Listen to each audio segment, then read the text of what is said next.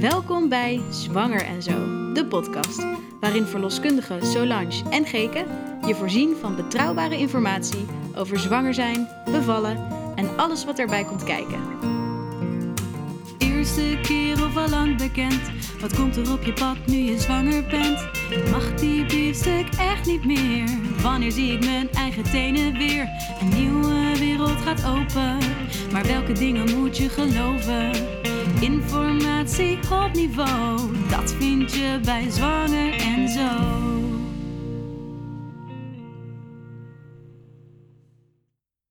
Leuk dat je weer luistert naar een nieuwe aflevering van Zwanger en Zo de podcast. Deze allerlaatste aflevering van seizoen 3 staat volledig in het teken van het onderwerp over de uitgerekende datum. Oftewel een zwangerschap langer dan 41 of 42 weken. Het is een aflevering echt waar jullie al heel vaak naar gevraagd hebben, maar we hikten er een beetje tegenaan, want het is een ingewikkeld onderwerp, maar daarom des te belangrijker om wel een, eh, een aflevering over te maken. Dus uh, tada, daar is hij dan. We gaan het vandaag echt doen. En we doen ons best om het zo begrijpelijk mogelijk aan je uit te leggen. Maar er zijn wel een paar dingen van tevoren belangrijk om te weten. Voornamelijk, en dat zeggen we bij elke aflevering, maar verloskunde en verloskundige zorg is flexibel en kan per persoon heel erg verschillen. Is natuurlijk erg individueel. En het doel van elke verloskundige, elke gynaecoloog, nou, elke verloskundige zorgverlener, zeg maar, Ehm, is om jou in jouw specifieke situatie de best passende zorg te geven. Dat noemen we ook wel een passend, een persoonlijk zorgpad. Ehm, en het kan dus zijn dat jouw verloskundige of jouw gynaecoloog iets anders adviseert dan wij je vandaag vertellen. We willen je daarom ook adviseren om deze podcast te luisteren, uh, andere informatie op te zoeken, maar vooral ook het gesprek aan te gaan met je eigen uh, geboortezorgverlener. Um, we weten ook waarom wij dit ook een beetje een ingewikkeld onderwerp vinden, is omdat er de laatste tijd en vooral afgelopen jaar, denk ik, veel over gepubliceerd is in de media. Um, en veel artikelen zijn gepubliceerd die, wat ons betreft, wat ongenuanceerd zijn en veel meer angst aanjagen dan vertrouwen. Um, en met deze aflevering willen we je daarom graag de resultaten en conclusies geven van de onderzoeken die naar dit onderwerp zijn gedaan. Laten weten welke kennis we hebben uit de wetenschap. Ehm, maar je hebt altijd het gesprek met je zorgverlener nodig uh, om te weten wat het beste voor jou is. We zullen je dus ook geen specifiek uh, advies geven, maar meer de juiste informatie. Um, aan het eind van de aflevering komen we nog wel even terug op onze visie over dit onderwerp, want dat vinden we natuurlijk wel belangrijk om je daarin ook mee te nemen. En de opname van deze aflevering doen we niet alleen, maar met verloskundige uh, Margot van Dijk, die je ook wel kunt kennen van Vroedvrouw Margot op Instagram. Uh, alle credits voor het uitzoeken van de betreffende onderzoeken en de cijfers gaan absoluut naar haar. En wil je alles nog eens rustig nalezen, check dan vooral het artikel op haar website uh, www.vraagdevroedvrouw.nl, waar je voor slechts 15 euro per maand toegang hebt tot al haar zorgvuldig uitgezochte artikelen over dit onderwerp, maar ook bijvoorbeeld uh, het doorknippen van de navelstreng, vitamine K en andere onderwerpen in zowel zwangerschap, bevalling en kraamperiode. Ja, nou welkom Margot. Fijn dat je er bent en dat je wel ons wil aansluiten over dit hele leuke onderwerp, maar ook wel een tikkeltje ingewikkeld vinden wij. Uh, hoe kijk jij er tegenaan? Ja, superleuk natuurlijk dat je me hebt gevraagd. Nou, hoe kijk ik er tegenaan is eigenlijk um, dat het gewoon super persoonlijk en individueel is. Dus we kunnen niet zeggen, denk ik, voor alle vrouwen is het het beste om met 41 weken in te leiden. Of voor alle vrouwen is het het beste om met 42 weken in te leiden. Niemand moet langer wachten, et cetera, et cetera. Ik denk dat we eigenlijk, wat we waarschijnlijk gaan ontdekken deze podcast, is oké, die onderzoeken zeggen zoveel verschillende dingen en hebben zoveel verschillende dingen ook onderzocht, dat we helemaal niet één algemeen advies kunnen geven. Uh, en ik denk dat dat voor mij zeg maar, het belangrijkste is als het over dit onderwerp gaat. Ja. ja, je zegt ook, er zijn heel veel verschillende dingen. En uh, daar gaan we het dus vandaag ook allemaal over hebben. En om een beetje structuur te scheppen in die aflevering. Uh, hierbij een beetje een voorgorde waarin we de informatie van wat je een beetje van ons kunt verwachten qua informatie. Uh, we beginnen gewoon met de introductie, dat hebben we al gedaan. Uh, dan gaan we naar het vraagvuur. Dat gaan we dus zo doen zoals jullie gewend zijn. En dan vervolgens hebben we het over ja, tot nu toe de bekende cijfers. Of inleiden en afwachten en de beschreven voor- en nadelen hiervan. Uh, en tot slot noemen we wat vragen die je zelf kan stellen om de keuze inleiden uh, of afwachten te maken. Um, en natuurlijk, wat Geke net al zei, uh, geven we ook onze eigen kijk of visie op dit onderwerp. Ehm, nog even die introductie gaan we nog even over hebben voordat we naar dat vragenvuur gaan. Ehm, een normale zwangerschapsduur, nou dat is tussen die 37 en 42 weken. Uh, en deze uitgerekende datum wordt in Nederland vastgesteld met de termijn-echo. Dat is eigenlijk de 40 weken is die uitgerekende datum die dan met uh, termijn-echo wordt vastgesteld. En tussen de 37 en 42 weken is een normale periode om te bevallen. En 4% van de vrouwen bevalt echt op de uitgerekende datum, dus op 40 weken. Uh, hoe zit dat verder met percentages, Margot? Nou, de meeste zwangeren zijn wel echt bevallen voor 42 weken. Dus het is van 98,8 procent. Daar zitten wel ook de inleidingen bij in hoor. Ja. Um, dus ja, 1,2 procent van de zwangeren wordt 42 weken of, of langer. Um, en daarbij, uh, nou, 27 procent bevalt tussen de uitgerekende datum en week 41. En dan 16,5 procent tussen 41 en 42 weken. Dus ja, nou ja, dat zijn eigenlijk de cijfers. Ja, en betekent dat dan dat 55,1% voor de 40 weken bevalt? Dat, dat lijkt best veel, eigenlijk. Ja, het lastige is dus aan deze cijfers dat daar dus alle inleidingen bij in zitten. Dus je kunt ja. dus eigenlijk ook alle hoge risicozwangerschappen. Dus dit zijn eigenlijk alle cijfers voor alle zwangeren in Nederland. Okay. Ja. ja. Weten we hoeveel vrouwen spontaan bevallen voor de 40 weken? Voor de 40 weken zou ik niet weten. Ik denk minder hoor. Ik denk Hmm. minder dan de helft. Ik denk dat de meeste tussen de 40 en de 41 weken bevallen. En als we echt kijken naar spontane baringen, gok ik dat, dat wel iets van meer dan 2% zeg maar, van de vrouwen uiteindelijk, twee, eh, van de laag risico vrouwen bedoel ik dan. Ja. Dus die gewoon bij hun eigen verloskundige zijn, wel iets meer de 42 weken halen hoor. Dan Ja. want als ik bij mij in de praktijk kijk, dan lijkt het alsof het merendeel over de 40 weken heen gaat. Ja, Ja, dat denk ik ook. Ja. En dat, dat zie je eigenlijk ook wel in percentages. Hè? Dat, je, dat je eigenlijk wel ziet dat de meeste mensen wel over die uitgerekende datum heen gaan. Dus ja, is het dan wel terecht om dan te zeggen na die 40 weken we zijn over tijd? Ik denk na 40 weken niet. Nee, Nee. je bent helemaal niet over tijd. Ik, ik vraag me af of we überhaupt het woord over tijd moeten gebruiken, want je bent geen pak yoghurt, denk ik dan altijd. Nee, echt hè? Zo klinkt het Ja, een Ja, beetje. zo het gewoon over de datum. alsof je kind dan een soort van over de datum is of zo. Ja, Ja. Dat, dat komt natuurlijk ook een beetje omdat ze, omdat ze nu een beetje zo'n theorie dan is dat dan die placenta een soort van over tijd gaat. Ja, dat is echt dikke bullshit. Daar geloof ik echt helemaal niks van. Nee. Nee. Hou die nog even vast, want daar komen we zeker zo meteen eh, op terug. Ehm, laten we eerst even ook kijken naar het beleid, hoe dat nu een beetje in Nederland is. Want dat wisselt enorm eh, per regio en soms ook per ziekenhuis. Eh, in de nieuwe landelijke richtlijn staat dat iedere zorgverlener dit onderwerp met zijn of haar eh, zwangere vrouw moet bespreken. Zodat elke zwangere zelf een keuze heeft tussen eh, nou, inleiding bij 41 weken ehm, en of afwachten tot die 42 weken. En meestal gebeurt dat tijdens de 40 weken controle. Dus als je 40 weken zwanger bent. Wil je dit liever eerder bespreken met je zorgverlener? Maak dan het onderwerp gerust eerder bespreekbaar. Nou, als je kiest voor afwachten, eh, wordt er in veel regio's tussen de 41 en 42 weken een controle in het ziekenhuis afgesproken. En tijdens een controle in het ziekenhuis maken ze vaak een hartfilmpje van de baby, ofwel een CTG. eh, en meten ze het vruchtwater op in de baarmoeder. Dus het vruchtwater wat om het kindje heen zit. eh, met als doel om te kijken, ja, hoe heeft het kindje het nog in de buik? Dus wat is de conditie van het kindje? En tijdens zo'n consult wordt er ook met je gesproken over de mogelijkheid van inleiden en de voor- en nadelen specifiek op jouw situatie. En als je nog niet bevallen bent bij 42 weken, of spontaan of met een inleiding, dan wordt vanaf 42 weken vaak geadviseerd om de bevalling in het ziekenhuis te laten plaatsvinden eh, door de gynaecoloog. Tenminste, dat staat in de richtlijn.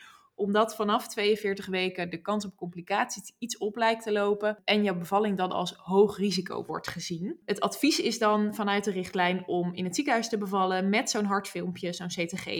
ehm, en continue registratie dus van de conditie van de baby. De voor- en nadelen en het hele verhaal daaromheen kun je ehm, lezen op de website van Margot. Dat is namelijk nog een hele discussie aan zich. Eh, dat is een van de onderwerpen die Margot heeft uitgewerkt op haar website vraagdevroedvrouw.nl. Nou, we hebben nu de adviezen gedeeld vanuit de richtlijn tussen de 41 en 42 weken. Maar uiteraard kan kunnen deze beleidsopties alleen als jij daar als zwangere ook eh, toestemming voor geeft. Ja, zeker. Nou, dan gaan we even naar wat belangrijke feiten op een rij. En daarna zullen we de voor- en nadelen van de verschillende opties afwachten ofwel inleiden met je bespreken. Margot, even om te beginnen, hoe komt het dat sommige kinderen langer blijven zitten dan die uitgerekende datum? Nou ja, in principe weet die baby natuurlijk niet dat er een uitgerekende datum is. Dus blijft een baby gewoon zo lang zitten als dat hij nodig heeft om klaar te zijn voor de geboorte. Hè? Dus de moeder en de baby hebben eigenlijk hele specifieke hormonale processen. Uh, die, die voorbereiden op de geboorte. Ja, en pas als dat signaal voor klaar wordt gegeven, wordt die baby geboren. Ja, dus als dat langer de tijd nodig heeft, heeft dat langer de tijd nodig. En eerder noemde ik al die genetische factoren, dus het familiaire stukje, dat daarin een rol kan spelen. Um, of als iemand natuurlijk eerder een langere zwangerschap heeft gehad, dan is, het, is, het, is de kans wel wat groter dat het een volgende, volgende baby ook weer langer blijft zitten. Um, en het kan zijn dat de uitgerekende datum niet goed is gesteld. Nou ja, nu gebeurt dat tegenwoordig niet super vaak. Alhoewel je natuurlijk wel, je kan ook over termijn echo weer een hele discussie beginnen. Hè? Want sommige vrouwen natuurlijk weten wanneer ze zwanger zijn. En dan zegt die termijn echo iets anders. En dan gaan we toch die datum uh, wijzigen eigenlijk. Uh, nou ja, en dan één of twee dagen kan soms natuurlijk wel net het verschil maken van ga je die 42 weken aantikken of niet. Dus nou ja, het speelt wel een rol, denk ik. Ja, ja zeker. we hadden het net al even over het advies van de richtlijn om dan bij 42 weken uh, in te leiden, ofwel de zorg over te dragen aan het ziekenhuis als je dan nog niet bevallen bent. Waar komt die denkbeeldige grens voor veel zorgverleners vandaan? Het gaat eigenlijk om een aantal complicaties die dan wat vaker voorkomen na 42 weken. Um, over, dat gaat dan over het meconium aspiratiesyndroom. Dat is um, waarbij, ja, daarbij krijgt een baby meconiumhoudend vruchtwater echt in de longen. En, en dat leidt tot ademhalingsproblemen en complicaties bij de baby. Um, we zien wat vaker opname op de uh, NICU, dus dat is de intensive care voor baby's eigenlijk. En we zien dat de babysterfte iets groter is na 42 weken. Het enige is, wat hem dus heel lastig maakt, is omdat we al zo lang bij 42 weken inleiden, eigenlijk hè, al, ik weet eigenlijk niet precies hoe lang, maar zeker 10 jaar, misschien wel 20 jaar, uh, hebben we dus niet zoveel recente cijfers. En onze zorg is natuurlijk in de tussentijd wel echt verbeterd. Dus de vraag is eigenlijk, wat zouden die cijfers dan nu zijn? Ja, dat weten we bijna niet, omdat heel veel vrouwen dan al ingeleid zijn. Dus dat maakt hem wel lastig. Maar je ziet wel dus dat die complicaties iets vaker voorkomen na 42 weken. Ja, ja, en iets vaker voorkomen is natuurlijk moeilijk om daar beleid op te maken of om daar als zwangere een gevoel bij te hebben. Want het, het, gaat er vooral om hoe, om hoe vaak iets specifiek mhm. voorkomt. Um, maar de absolute aantallen blijven erg laag. Ja, klopt. Ik geloof dat die van meconiumhoudend aspiratiesyndroom gaat van 0, even uit mijn hoofd zo 0,3 naar 0,63 procent. En de NICU gaat van 0,6 naar 1, nog wat. Dus het zijn, ja, het zijn kleine getallen. Ja, klopt. En die babysterfte is natuurlijk helemaal zeldzaam. Maar dat is belangrijk om je te beseffen, denk ik. Dat als er wordt gezegd dat iets twee keer zo vaak voorkomt, om je dan even af te vragen hoe vaak het daadwerkelijk voorkomt. Ja, echt die cijfers ook na te vragen. Hè? Dat is zoveel meer dan alleen maar dat getalletje. En dan eigenlijk soms ook nog andersom. Ik benoem hem ook nog vaak andersom. Dus niet alleen de kans dat het gebeurt, maar ook dus de kans dat het niet gebeurt. Dus die is dan 99,3, weet je wel. En dan, dan klinkt het ook alweer heel anders. Oh. Ja, ja, ja, ja, zeker. Ja, want we hadden het net even over die 42 weken, hè, zoals het eigenlijk altijd al was, of 10 of 20 jaar. En alleen nu zien we de laatste tijd dat we eigenlijk al vaker bij 41 weken gaan inleiden. En dat komt doordat er een nieuwe richtlijn uh, in Nederland is ontstaan, gebaseerd op verschillende onderzoeken, uh, waar we het zo ook even over gaan hebben, welke we gaan toelichten. Waardoor, hè, wat, wat is die verschuiving precies? En uh, ja, wat kan jou dus helpen in het maken van een keuze daarin? En net had je het al even over de complicaties en die percentages na 42 weken. Maar gewoon, hoe ziet dat met die complicaties van dus dat meconium aspiratiesyndroom, opname van de baby en babysterfte voor als je tussen die 41 en 42 weken gaat kijken? Van het meconiumhoudend aspiratiesyndroom heb ik niet super um, recente cijfers. Um, maar uh, tussen de 40 en de 41 weken kwam dat bij 0,12% van de baby's voor. En dan bij 0,62% van de baby's die tussen 41 en 42 weken geboren worden. Dus je ziet daar wel wat verschil. En als we het hebben over de NICU, of in ieder geval de kinderafdeling, of eigenlijk gaat het over de NICU, dus de intensive care voor baby's, dan zien we verschil van 2,8 en 4,8 procent. Dus 2,8 procent bij 40, 41 weken en 4,8 procent bij 41, 42 weken. Dus die kans neemt dan iets toe daar. En dan de babysterfte, ja, weet je wat ik daar zo complex aan vind? Is natuurlijk, het is heel zeldzaam. Het is ook iets wat enorm veel impact heeft. Dus ik kan me ook voorstellen dat, sommige, dat er zwangeren zijn die denken van... Uh, nou, die kans wil ik gewoon überhaupt niet dat die ook maar ietsje groter wordt. Dat kan natuurlijk. Tegelijkertijd is het extreem zeldzaam. En, en merk ik, in de richtlijn is er eigenlijk geen onderscheid gemaakt tussen laag risico en hoog risico vrouwen. En dat vind ik wel lastig, want ik denk dat dat verschil nou ja, dat, denk ik niet alleen. Dat weet ik, dat die verschillen er echt zijn. En dat is natuurlijk op zich ook logisch. Ehm, want als je een gezonde vrouw bent met een gezonde baby, eh, en je hebt geen hoge bloeddruk, je hebt geen diabetes, zwangerschapsdiabetes, weet, weet je, al die dingen zijn, spelen helemaal geen rol. Ja, dan, dan zijn die kansen gewoon echt heel anders. Dus je kunt daar niet echt. Nee, je kunt er natuurlijk wel iets over zeggen. Wat wou ik nou zeggen?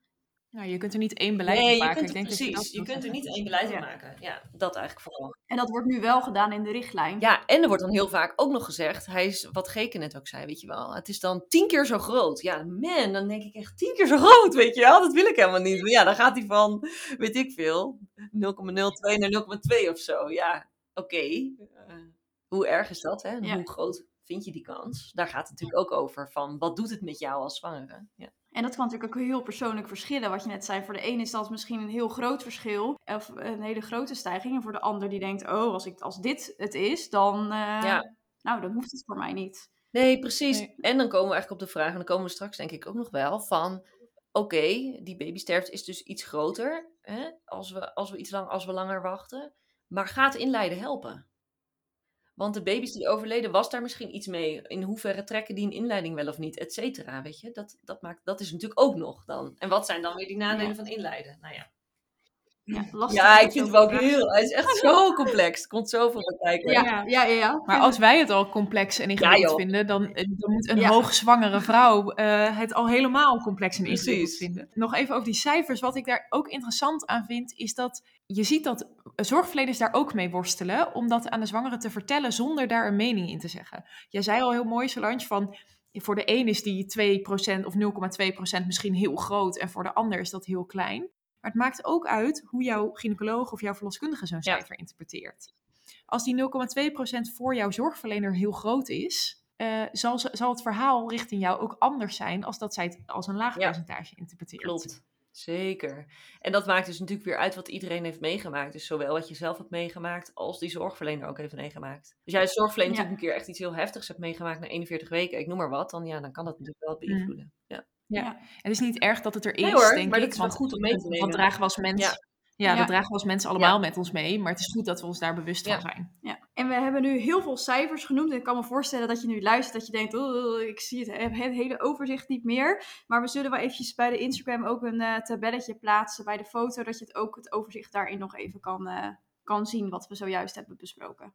En je, je noemde helemaal in het begin voor het vragenvuur al even iets wat je echt van het hart moest, eh, Margot. Namelijk dat er vaak wordt gezegd nu dat de placenta op den duur haar functie verliest. En dat langer wachten daardoor, dus door het afnemen van de functie van de placenta, eh, dat wachten na de 41 of 42 weken daardoor gevaarlijker wordt. Is dat waar? Nee.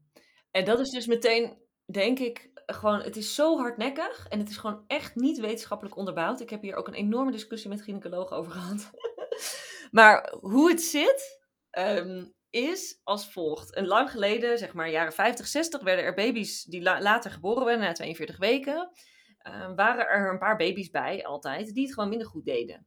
En dat werd toch wel een beetje geleerd natuurlijk aan die langere zwangerschapsduur, dat kan. En daarmee ook aan de placenta. En daarmee kwam dus een soort van het idee dat die placenta dan een soort houdbaarheidsdatum he- heeft.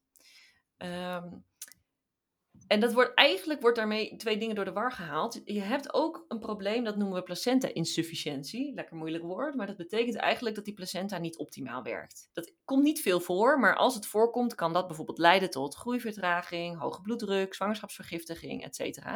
Dus dat is natuurlijk wel een, een, een, een, heftig iets als die placenta niet goed functioneert. En ik kan uiteraard, als die baby's langer blijven zitten waarbij dat probleem speelt van die placenta, ja, dan komen er natuurlijk complicaties aan het einde, want die placenta houdt het minder lang vol. Maar alle placenta's van gezonde baby's en gezonde moeders, weet je, daar zit helemaal geen houdbaarheidsdatum aan. En er zijn dus ook wel een aantal biologische onderzoeken. Harold Fox is er eentje. Die schreef een artikel waarin hij dat hele biologische aspect helemaal uitploos. En hij concludeert, ja, er is geen logische redenering om, ja, waar, eh, geen logische ne- redenering dat de placenta zou verouderen, eh, terwijl andere organen van de baby niet verouderen. Want het is natuurlijk gewoon een orgaan van de baby. Ja. Ja. Het, is ook, het klinkt ook gewoon heel logisch eigenlijk, hè, als je erover nadenkt. ja. Terwijl, ja, Maar het is wel inderdaad een hardnekkig iets. Want ik las in jouw stuk op jouw website ook iets over die calcificaties van de placenta. Hè? Dat, dat is ook iets wat je collega's vaak hoort, hoort zeggen. Van, eh, oh ja, het zaten bij 41 weken al wel veel calcificaties. Dat zijn harde witte stukjes in de placenta.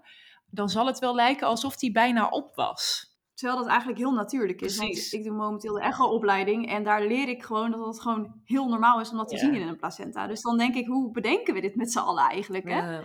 Ja. Ik denk dat we Ja. gewoon ook heel graag verklaringen willen van waarom overlijden sommige baby's. Dat willen we niet. Ehm, en, en, en, en vaak vinden we natuurlijk ook geen oorzaak. Bij een derde van de baby's vinden we ook geen oorzaak. En dat is gewoon super frustrerend. Want we willen gewoon zo graag voor iedereen dat elke ouders gewoon een levende baby in hun handen hebben. Dus dat zit er natuurlijk onder. Dus ik voel wel dat er een goede intentie onder zit. Alleen ik denk wel dat dit Ja. onnodige angst veroorzaakt als je gewoon gezond bent. En ook als je niet gezond bent, betekent het ook niet hè, dat die placenta ineens ermee kapt. Dat geloof ik ook echt niet. Maar dan heb je wel een andere overweging in een langer durende zwangerschap, denk ik. Ja. En daar zit precies het verschil tussen een hoog en een laag risico zwangerschap en hoe dat dus die kansen beïnvloedt. Goed, nu we die cijfers allemaal besproken hebben, ehm, gaan we naar een van de twee keuzeopties, namelijk eh 41 ofwel 42 weken. Je kan kiezen voor inleiden of voor afwachten. Laten we starten met afwachten. En afwachten houdt natuurlijk nou, precies in wat het, wat het woord al zegt, dat we in principe niets doen. Niets anders dan gewoon wachten tot je vanzelf gaat bevallen. Ehm, en eerder deze aflevering zeiden we al hè, dat die kans het allergrootst is. Want slechts 1,2% van de vrouwen bevalt na de 42 weken. Nu kan het dus zijn dat die cijfers iets anders liggen als je kijkt naar de spontane baringen. Maar het zal hoe dan ook een heel groot percentage vrouwen zijn wat voor de 42 weken eh, is bevallen. Ehm, en ook van de meest recente onderzoeken die gedaan zijn naar inleiden bij 41 weken of afwachten tot 42 weken, weten we dat voor de, de groep vrouwen die bij 41 weken zei: Ik wacht af tot 42, alsnog 75% spontaan beviel voor de, twee, voor de 42 weken. Nou, de voordelen van afwachten die zijn bijvoorbeeld dat je het natuurlijke proces zijn werk laat doen. Ehm, en we weten ook dat vrouwen die spontaan bevallen over het algemeen beter terugkijken op hun bevalling en minder pijn ervaren, meer bewegingsvrijheid hebben en minder vaak vragen om pijnstilling tijdens een bevalling. En als ik dat dan zie, dan denk ik, ja, als je meer bewegingsvrijheid hebt en minder snel vraagt om pijnstilling, vind ik het ook een logisch gevolg dat dit de groep vrouwen is die, beter, die vaak beter terugkijkt op een bevalling. En wat ook een groot voordeel kan zijn voor jou, dat is natuurlijk ook erg persoonlijk, is dat je een vrije keuze hebt waar je wil bevallen. Um, en dat dit kan met je eigen verloskundige. Met een kleine side note, soms kan uh, inleiden ook starten met het breken van de vliezen. En kan dat ook thuis door je eigen verloskundige gebeuren. Dat is een beetje regio-afhankelijk en heb je in ieder geval wat ontsluiting voor nodig. Dus uh, dat is niet altijd een optie. Maar dat zou nog kunnen maken dat je met een soort van vorm van inleiden uh, wel met je eigen verloskundige kan bevallen. Maar meestal betekent het dat je in het ziekenhuis bevalt. En dat ontneemt je dus de keuze om thuis te bevallen. Um, de nadelen van afwachten komen overeen met de voordelen van het inleiden. En daar komen we zo op. Ja, en nou, we noemden het net al aan het begin van de aflevering dat in veel regio's je uh, op het moment dat je kiest voor afwachten, dat je tussen de 41 en 42 weken een controle in het ziekenhuis krijgt aangeboden. Uh, en wat ze dan bij zo'n controle doen, is dus een hartfilmpje maken van de baby, uh, om voor een langere tijd de conditie van de baby te bekijken. Ze maken een echo om het vruchtwater op te meten. en heel belangrijk, ze vragen ook naar het aantal kindsbewegingen die jij voelt. Of hè, wat jij altijd al hebt ervaren, voel je je kindje nog goed bewegen. En dat laatste weten we dat dat echt de belangrijkste uh, factor is um, in het in de gaten houden van de conditie van je kindje. Omdat je dat zelf gewoon heel goed kan monitoren. Uh, maar soms wil je niet inleiden, maar wil je ook niet helemaal niks doen. Dus gewoon zitten wachten totdat het vanzelf gaat komen. En dat is ook een optie. En daarin hebben we ook wat tussenopties, om het zo te zeggen. Uh, je zou er dus voor kunnen kiezen, als je gaat afwachten, om eventueel te gaan strippen uh, of de vliezen te breken. En uh, deze twee opties, die bespreken we ook graag even met je door. Te beginnen bij het strippen. strippen houdt in, nou we hebben het al heel vaak een beetje uitgelegd, dat zo'n baarmoeder eigenlijk een soort ballon is met een lange tuut aan, eraan. En die tuut van die ballon, dat is die baarmoedermond. En op het moment dat die baarmoedermond al wat zachter en wat platter en wat korter is en een beetje open staat, uh, kunnen we als zorgverlener um, uh, eigenlijk de vliezen rond het hoofdje losmaken. Dus er moet een beetje ontsluiting zijn, uh, waardoor we de vliezen los kunnen maken van het hoofdje, waardoor er hormonen vrij zouden kunnen komen die mogelijk tot de bevalling zouden kunnen leiden. Um, in de Nederlandse studie verminderde strippen vanaf 41 weken de kans op serotiniteit van 41% naar 23%. Maar niet iedereen bevalt door het strippen. In het onderzoek onderzoek kwam naar voren dat er zes vrouwen gestript moeten worden om uh, één iemand te, te laten bevallen. Nou, strippen is niet pijnloos. Sommige vrouwen kunnen dat wel als vervelend ervaren. Uh, je kan het soms ook zijn dat je daar echt flink wat harde buiken van krijgt. En bij de ene is dat dat je misschien gedurende de nacht veel harde buiken hebt zonder dat het leidt tot bevalling. En bij de ander wordt dat toch omgezet in die bevalling. Uh, het kan ook zijn dat je wat bloedverlies krijgt, wat heel onschuldig is. Um, en weet dat je op elk moment, ook tijdens het strippen zelf, kan zeggen dat je het toch niet meer wil. Um, nou, mogelijke nadelen van strippen, dat je mogelijk een kans hebt op een infectie, dat de vliezen kunnen breken. En dus, nou eigenlijk wat ik net al zei, dat je dus contracties, dus harde buik gaat krijgen, dat je daardoor niet slaapt, zonder dat echt die bevalling gaat beginnen. Ja, en als je kiest voor uh, een inleiding, kan er eventueel bij een zeer rijpe baarmoedermond, dus als je al ontsluiting hebt en het strippen heeft bijvoorbeeld niet geholpen, kan je dus ook kiezen om de vliezen kunstmatig te laten breken. Wat we dan doen is dat we een inwendig onderzoek doen en dat we met een ja, plastic stokje, vaak een beetje, lijkt een beetje op een breinaald, naar binnen gaan en dan de vliezen breken. Ik hoorde laatst iemand zeggen, vliezen breken, dat klinkt zo negatief, want dat, dat nou ja, als je iets breekt, dat klinkt alsof het heel veel pijn doet. Over het algemeen doet vliezen breken geen pijn. Soms kan het inwendig onderzoek wel als vervelend worden ervaren, maar in de vliezen zelf zitten geen uh, zenuwen, dus dat voel je verder niet. Um, onderzoek heeft laten zien dat de kans op een inleiding aanzienlijk verminderd wordt uh, en dat er meer vrouwen alsnog thuis konden bevallen als je begint met uh, vliezen breken. Maar het is dus goed om te weten dat deze optie in sommige regio's wel wordt aangeboden en in andere nog niet. Vraag dit daarom vooral even na bij je eigen verloskundige. Nou, en naast die opties om af te wachten, of eh, dus de tussenopties van strippen of vliezenbreken, heb je dus ook vanaf 41 weken de optie om je te laten inleiden. Dat is een beetje afhankelijk van hoe rijp je baarmoedermond is, met welke optie er gestart wordt. Of we al meteen vliezen kunnen breken en weeënopwekkers kunnen starten, of dat je eerst nog iets nodig hebt om die baarmoedermond zacht en week te krijgen en die 3 centimeter open te krijgen uh, om bij die vliezen te kunnen komen. Nou, dat, dat rijp maken van die baarmoedermond noemen we ook wel primen. Uh, maar daarover kun je veel meer horen in aflevering 10 van seizoen 2. Die gaat over alles over inleiden. Nou, dan hebben we het dus over inleiden bij 41 weken. Margot, wat kunnen daar de voordelen van zijn? Um, nou, de exacte cijfers zullen we dan dus even delen in die tabel. Dat is denk ik handiger, want dan kun je het rustiger zien. Maar afhankelijk van wie je bent, is de kans op het overlijden van je baby iets kleiner. Dus dat hangt af van is het je eerste kind of niet. Het hangt af van hoe gezond ben je, hoe gezond is je kind, et cetera. Uh, hoe, hoe groot, of ja, groot klinkt dan groot, het zijn hele kleine kansen, maar uh, wat die kansen mm. precies zijn. Uh, de kans op opname op de kinderafdeling is iets kleiner. Ehm, er is wat minder kans op geelzucht bij de baby. Uh, en minder kans op een grote ba een baby boven 4500 gram. Ja, dat is op zich natuurlijk logisch. Hoe langer die blijft zitten, iets meer tijd is er om door te groeien. En wat wel interessant is, is dat uit geen van die onderzoeken kwam dat die grotere baby's dan dus leiden tot meer problemen. Dus in principe maakte dat uit die onderzoeken niet uit dat er meer grote baby's waren na, 42, of na 41 weken eigenlijk. En dan is het natuurlijk voor, voor sommigen ook gewoon echt mentaal. Hè? Dat je een einddatum hebt, dat je weet er gaat iets gebeuren. Uh, ja, voor sommigen geldt dat het gewoon voor rust en minder zorgen zorgt. Ja, en we hoeven ook niet te doen alsof dat geen argument is hè, in deze discussie. Vrouwen wuiven dat nog wel eens weg van uh, ja, maar dat mag geen argument zijn. Het moet gaan over gezondheid en dat soort dingen. Maar het, het speelt onbewust altijd mee in de discussie. Ja, en dan is er denk ik ook nog een verschil van in hoeverre is het mentaal en is inleiden de oplossing?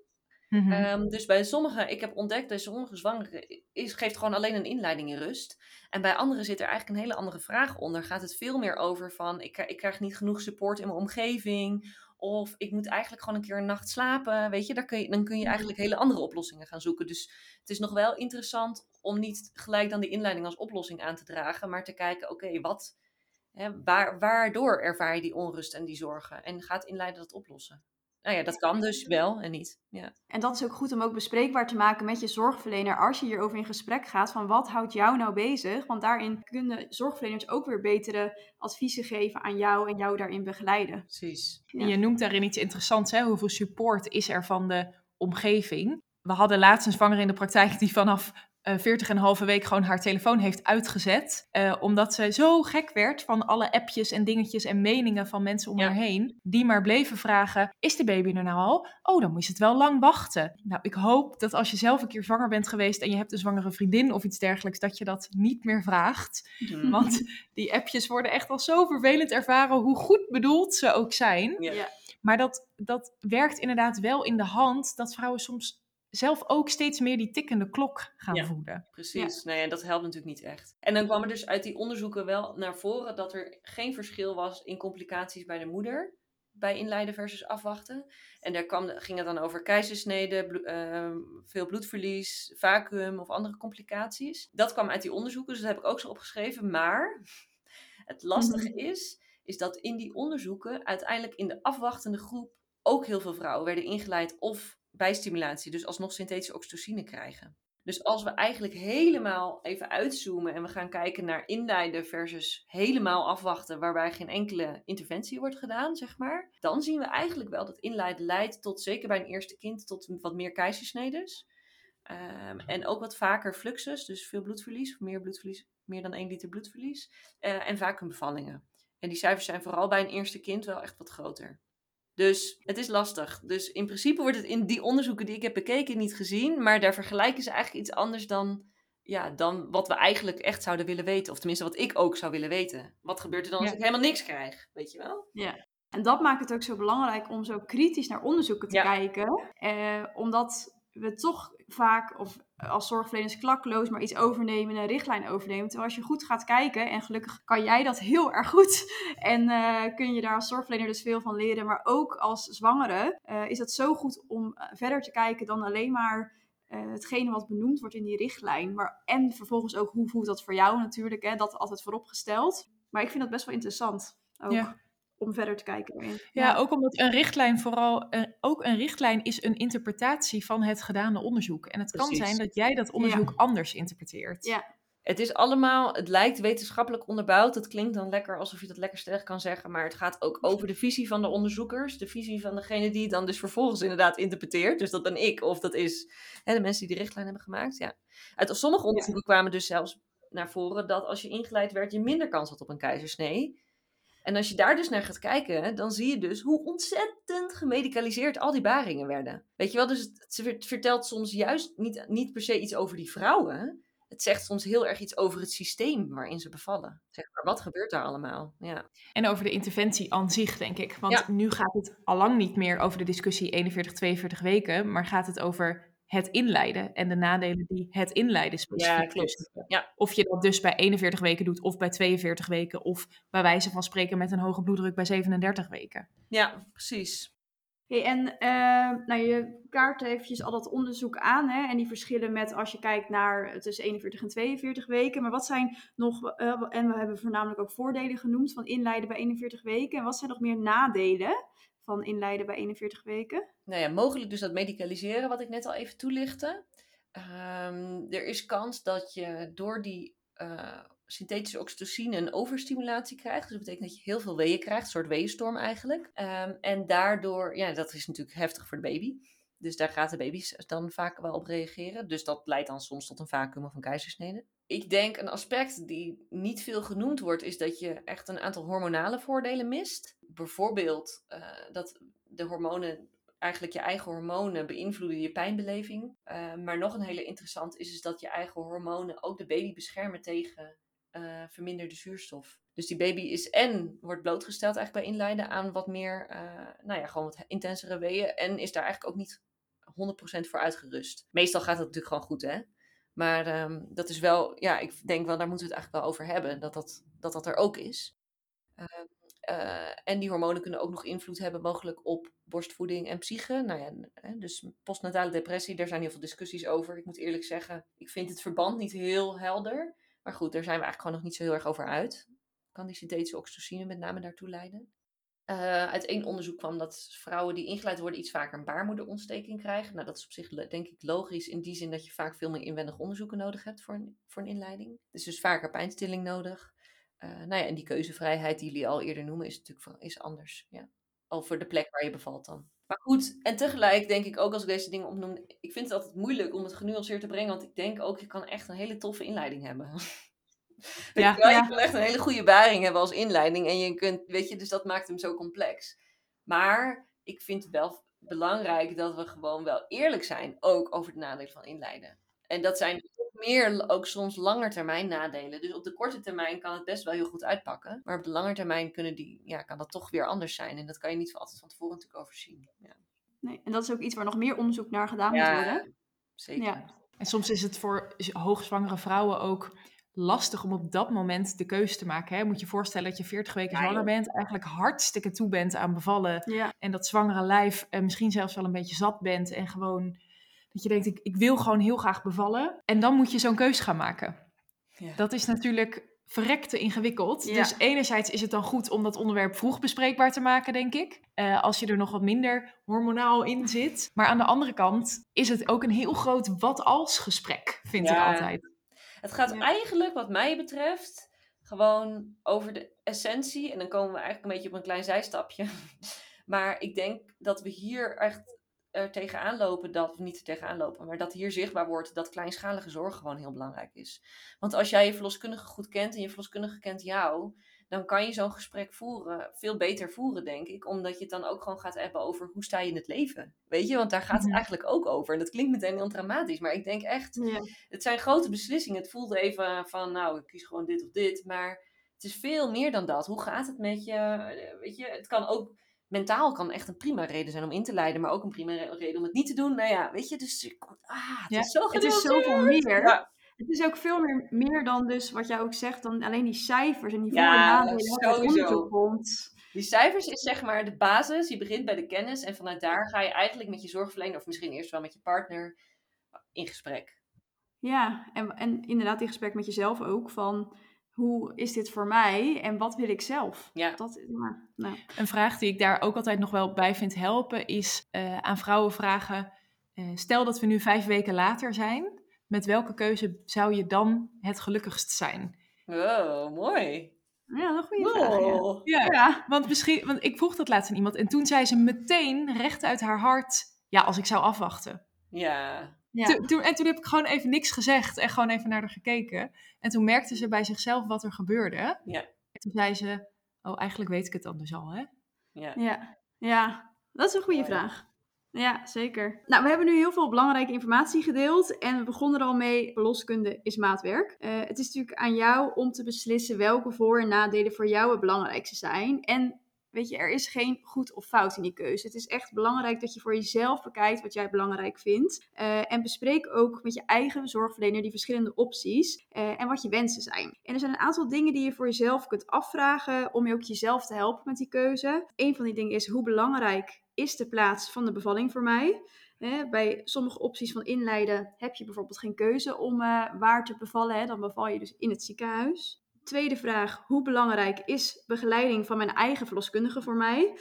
Ehm, op het moment dat je afwacht, dan eh, is de kans dat je eigen verloskundige de bevalling begeleidt eh, groter en dan bij een ingeleide bevalling. Omdat bij een ingeleide bevalling de bevalling wordt begeleid door iemand die in het ziekenhuis werkt. Een verloskundige, een, een gynaecoloog of een artsassistent. En het is goed om te weten dat er altijd een mogelijkheid is dat je eigen verloskundige je tijdens de bevalling alsnog moet overdragen. Dus hè, dat stel je kiest ervoor om af te wachten en je start met je eigen verloskundige, kan er ook altijd tijdens die bevalling een reden ontstaan waarbij wij adviseren als verloskundige om eh, eh, dat de gynaecoloog de bevalling verder overneemt. Nou, redenen hiervoor kunnen zijn bijvoorbeeld als de ontsluiting niet vordert, eh, als het persen niet vordert, als de baby in het vruchtwater heeft gepoept, op het moment dat je vliezen al voor langere tijd gebroken zijn, maar er geen weeën ontstaan.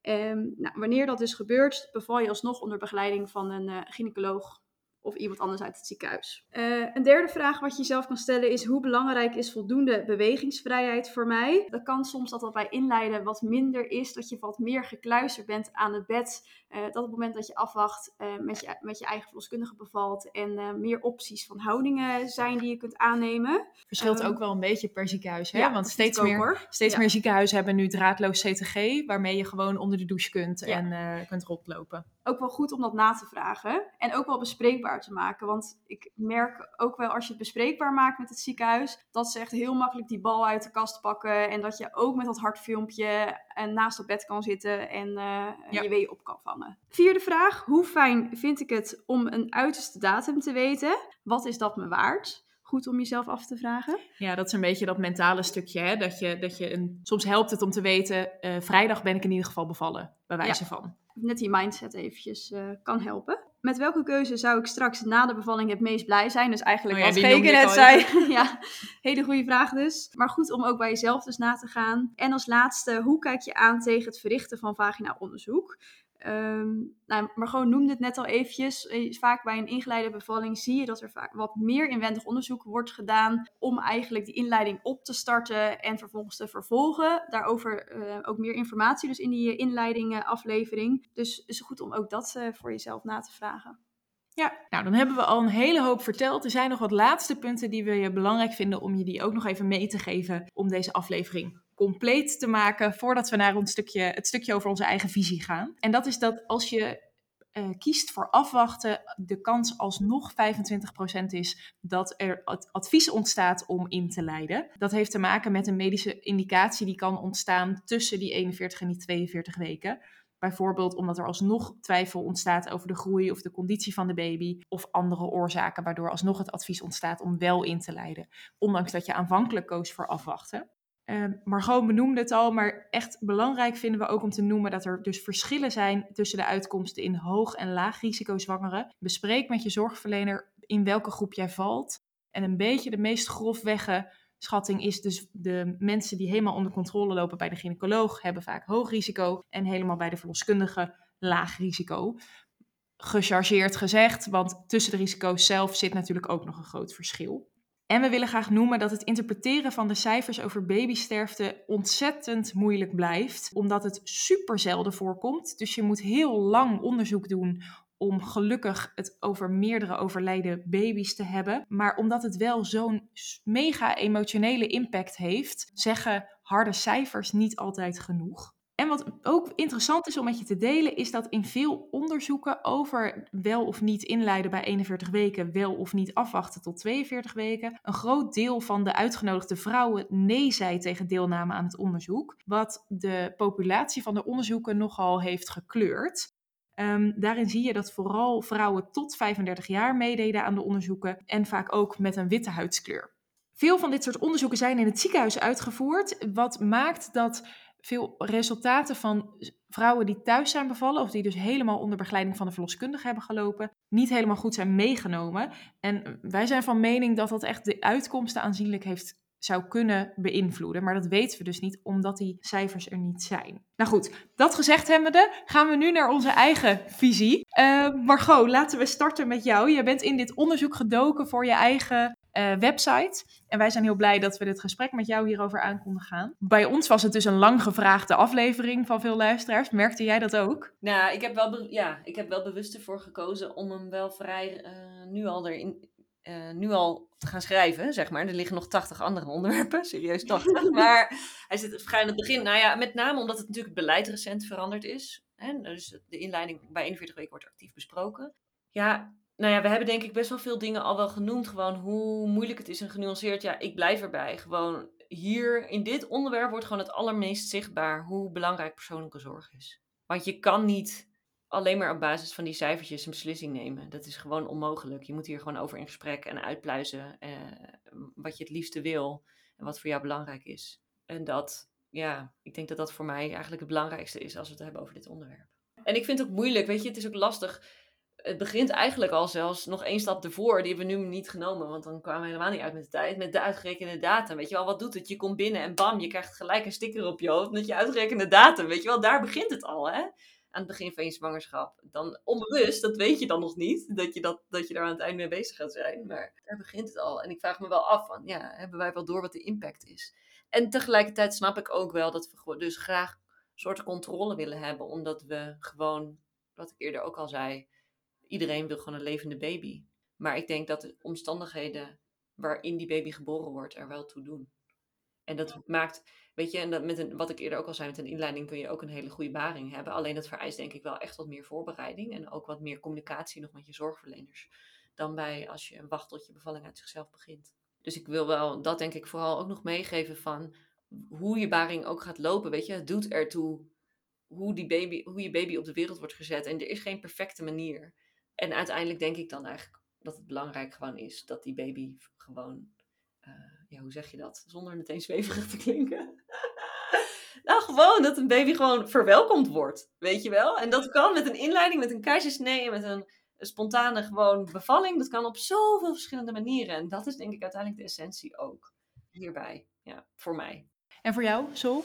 Nou, zeker ook. En ik vind het ik merk dat ik het soms lastig vind om hierover in gesprek te gaan. Of uh, nu gaat het wel steeds soepeler, maar ik had in het begin eerlijk gezegd best wel moeite mee dat we ineens van 42 weken naar 41 weken gingen op basis van onderzoeken waarvan ik denk, oh, dit kunnen we nog zoveel meer onderzoeken dan dat we nu hebben gedaan. Dus ik merk nog steeds dat ik dat soms echt wel lastig vind, uh, ook in mijn counseling. En dat probeer ik wel los te laten, maar dat is wel hoe ik er zelf over denk. Dat ik, ja, wat weten we nu eigenlijk ervan en hoe betrouwbaar is het wat we nu weten. Dus dat, dat, blijf ik gewoon lastig vinden. Maar het belangrijkste vind ik gewoon om het, uh, om het gesprek samen aan te gaan. En hetgene wat we hebben, om dat met elkaar te delen op een eerlijke manier. En niet, niet te gaan zeggen van, oh, je hebt meer kans dat je baby overlijdt. Want dan zou elke zwangere vrouw denken dan, dat ga ik niet doen, zeg maar. Maar gewoon op een ja, op een open manier de cijfers delen. En, de, en natuurlijk, voor de een is dat een hoog getal, wat we net al zeiden, en de ander laag. En dat is ook goed. Hè? Op het moment dat je dat vindt, dat je liever voor een inleiding kiest dan dat je gaat afwachten. Maar ik wil het gewoon zo eerlijk mogelijk en open doen. En vooral ook, nou, die kleinschalige zorg, dat hebben we ook in onze praktijk. Dat, dat, dat helpt daarbij gewoon echt mee. En dat draagt zoveel bij aan hoe je een gesprek aangaat. Dat je veel de tijd hebt om daar het gesprek over aan te gaan. En dat je dus veel meer kan kijken wat iemand dus eigenlijk als persoon belangrijk vindt, of wie iemand als mens is. En dat, dat, dat is denk ik het allermooiste. En dat maakt zo'n counselinggesprek, zoals we dat noemen, compleet voor mij, denk ik. Dat is een beetje mijn visie.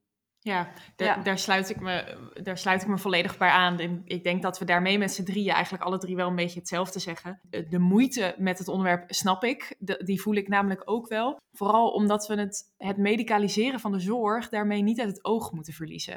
Ik vind dat we ons moeten blijven beseffen dat de bevalling opwekken, want dat is eigenlijk wat je doet hè, met inleiden, de bevalling opwekken, terwijl het lichaam daar dus zelf nog niet klaar voor is. Want als het zelf klaar zou zijn, zou het wel uit zichzelf gaan bevallen. Dat we dat zien als uh, een optie, maar niet de meest gangbare weg. En daar, daarmee zeg ik niet dat uh, kiezen voor een inleiding verkeerd is. Zeker niet. Uh, net als wat Margot zegt, je kunt ook absoluut je inleiding rocken en een supergoeie ervaring hebben als we daar maar goed over na blijven denken. Nou, mijn angst zit er misschien wel een beetje in dat het normale waarmee we nu bij 42 weken inleiden gaat verschuiven naar 41 weken. En ik hoop dat we daar met elkaar goed over na blijven denken.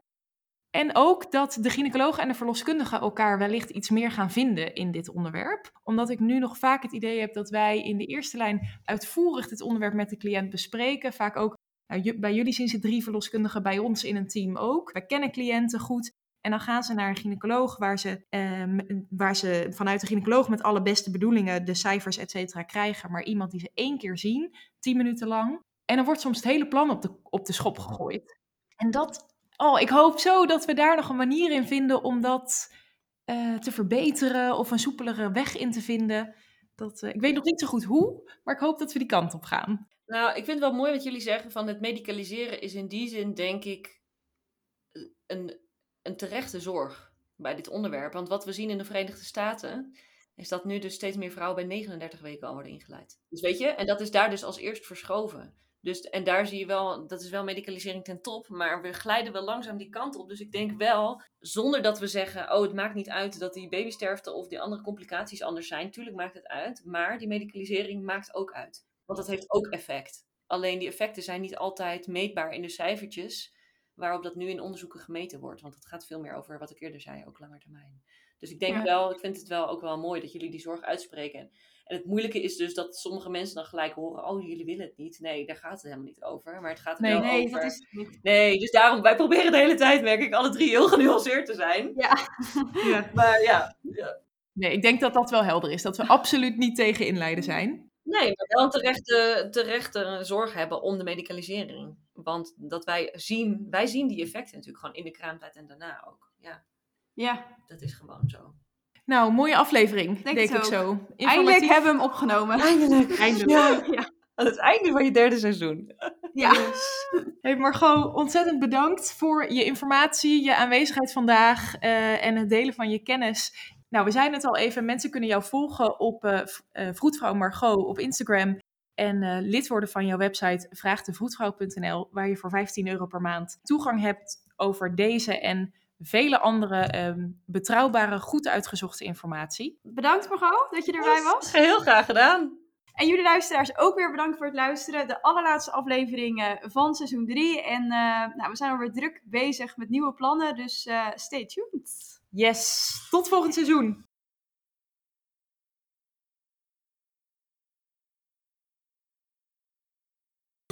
Dit was de podcast voor deze keer.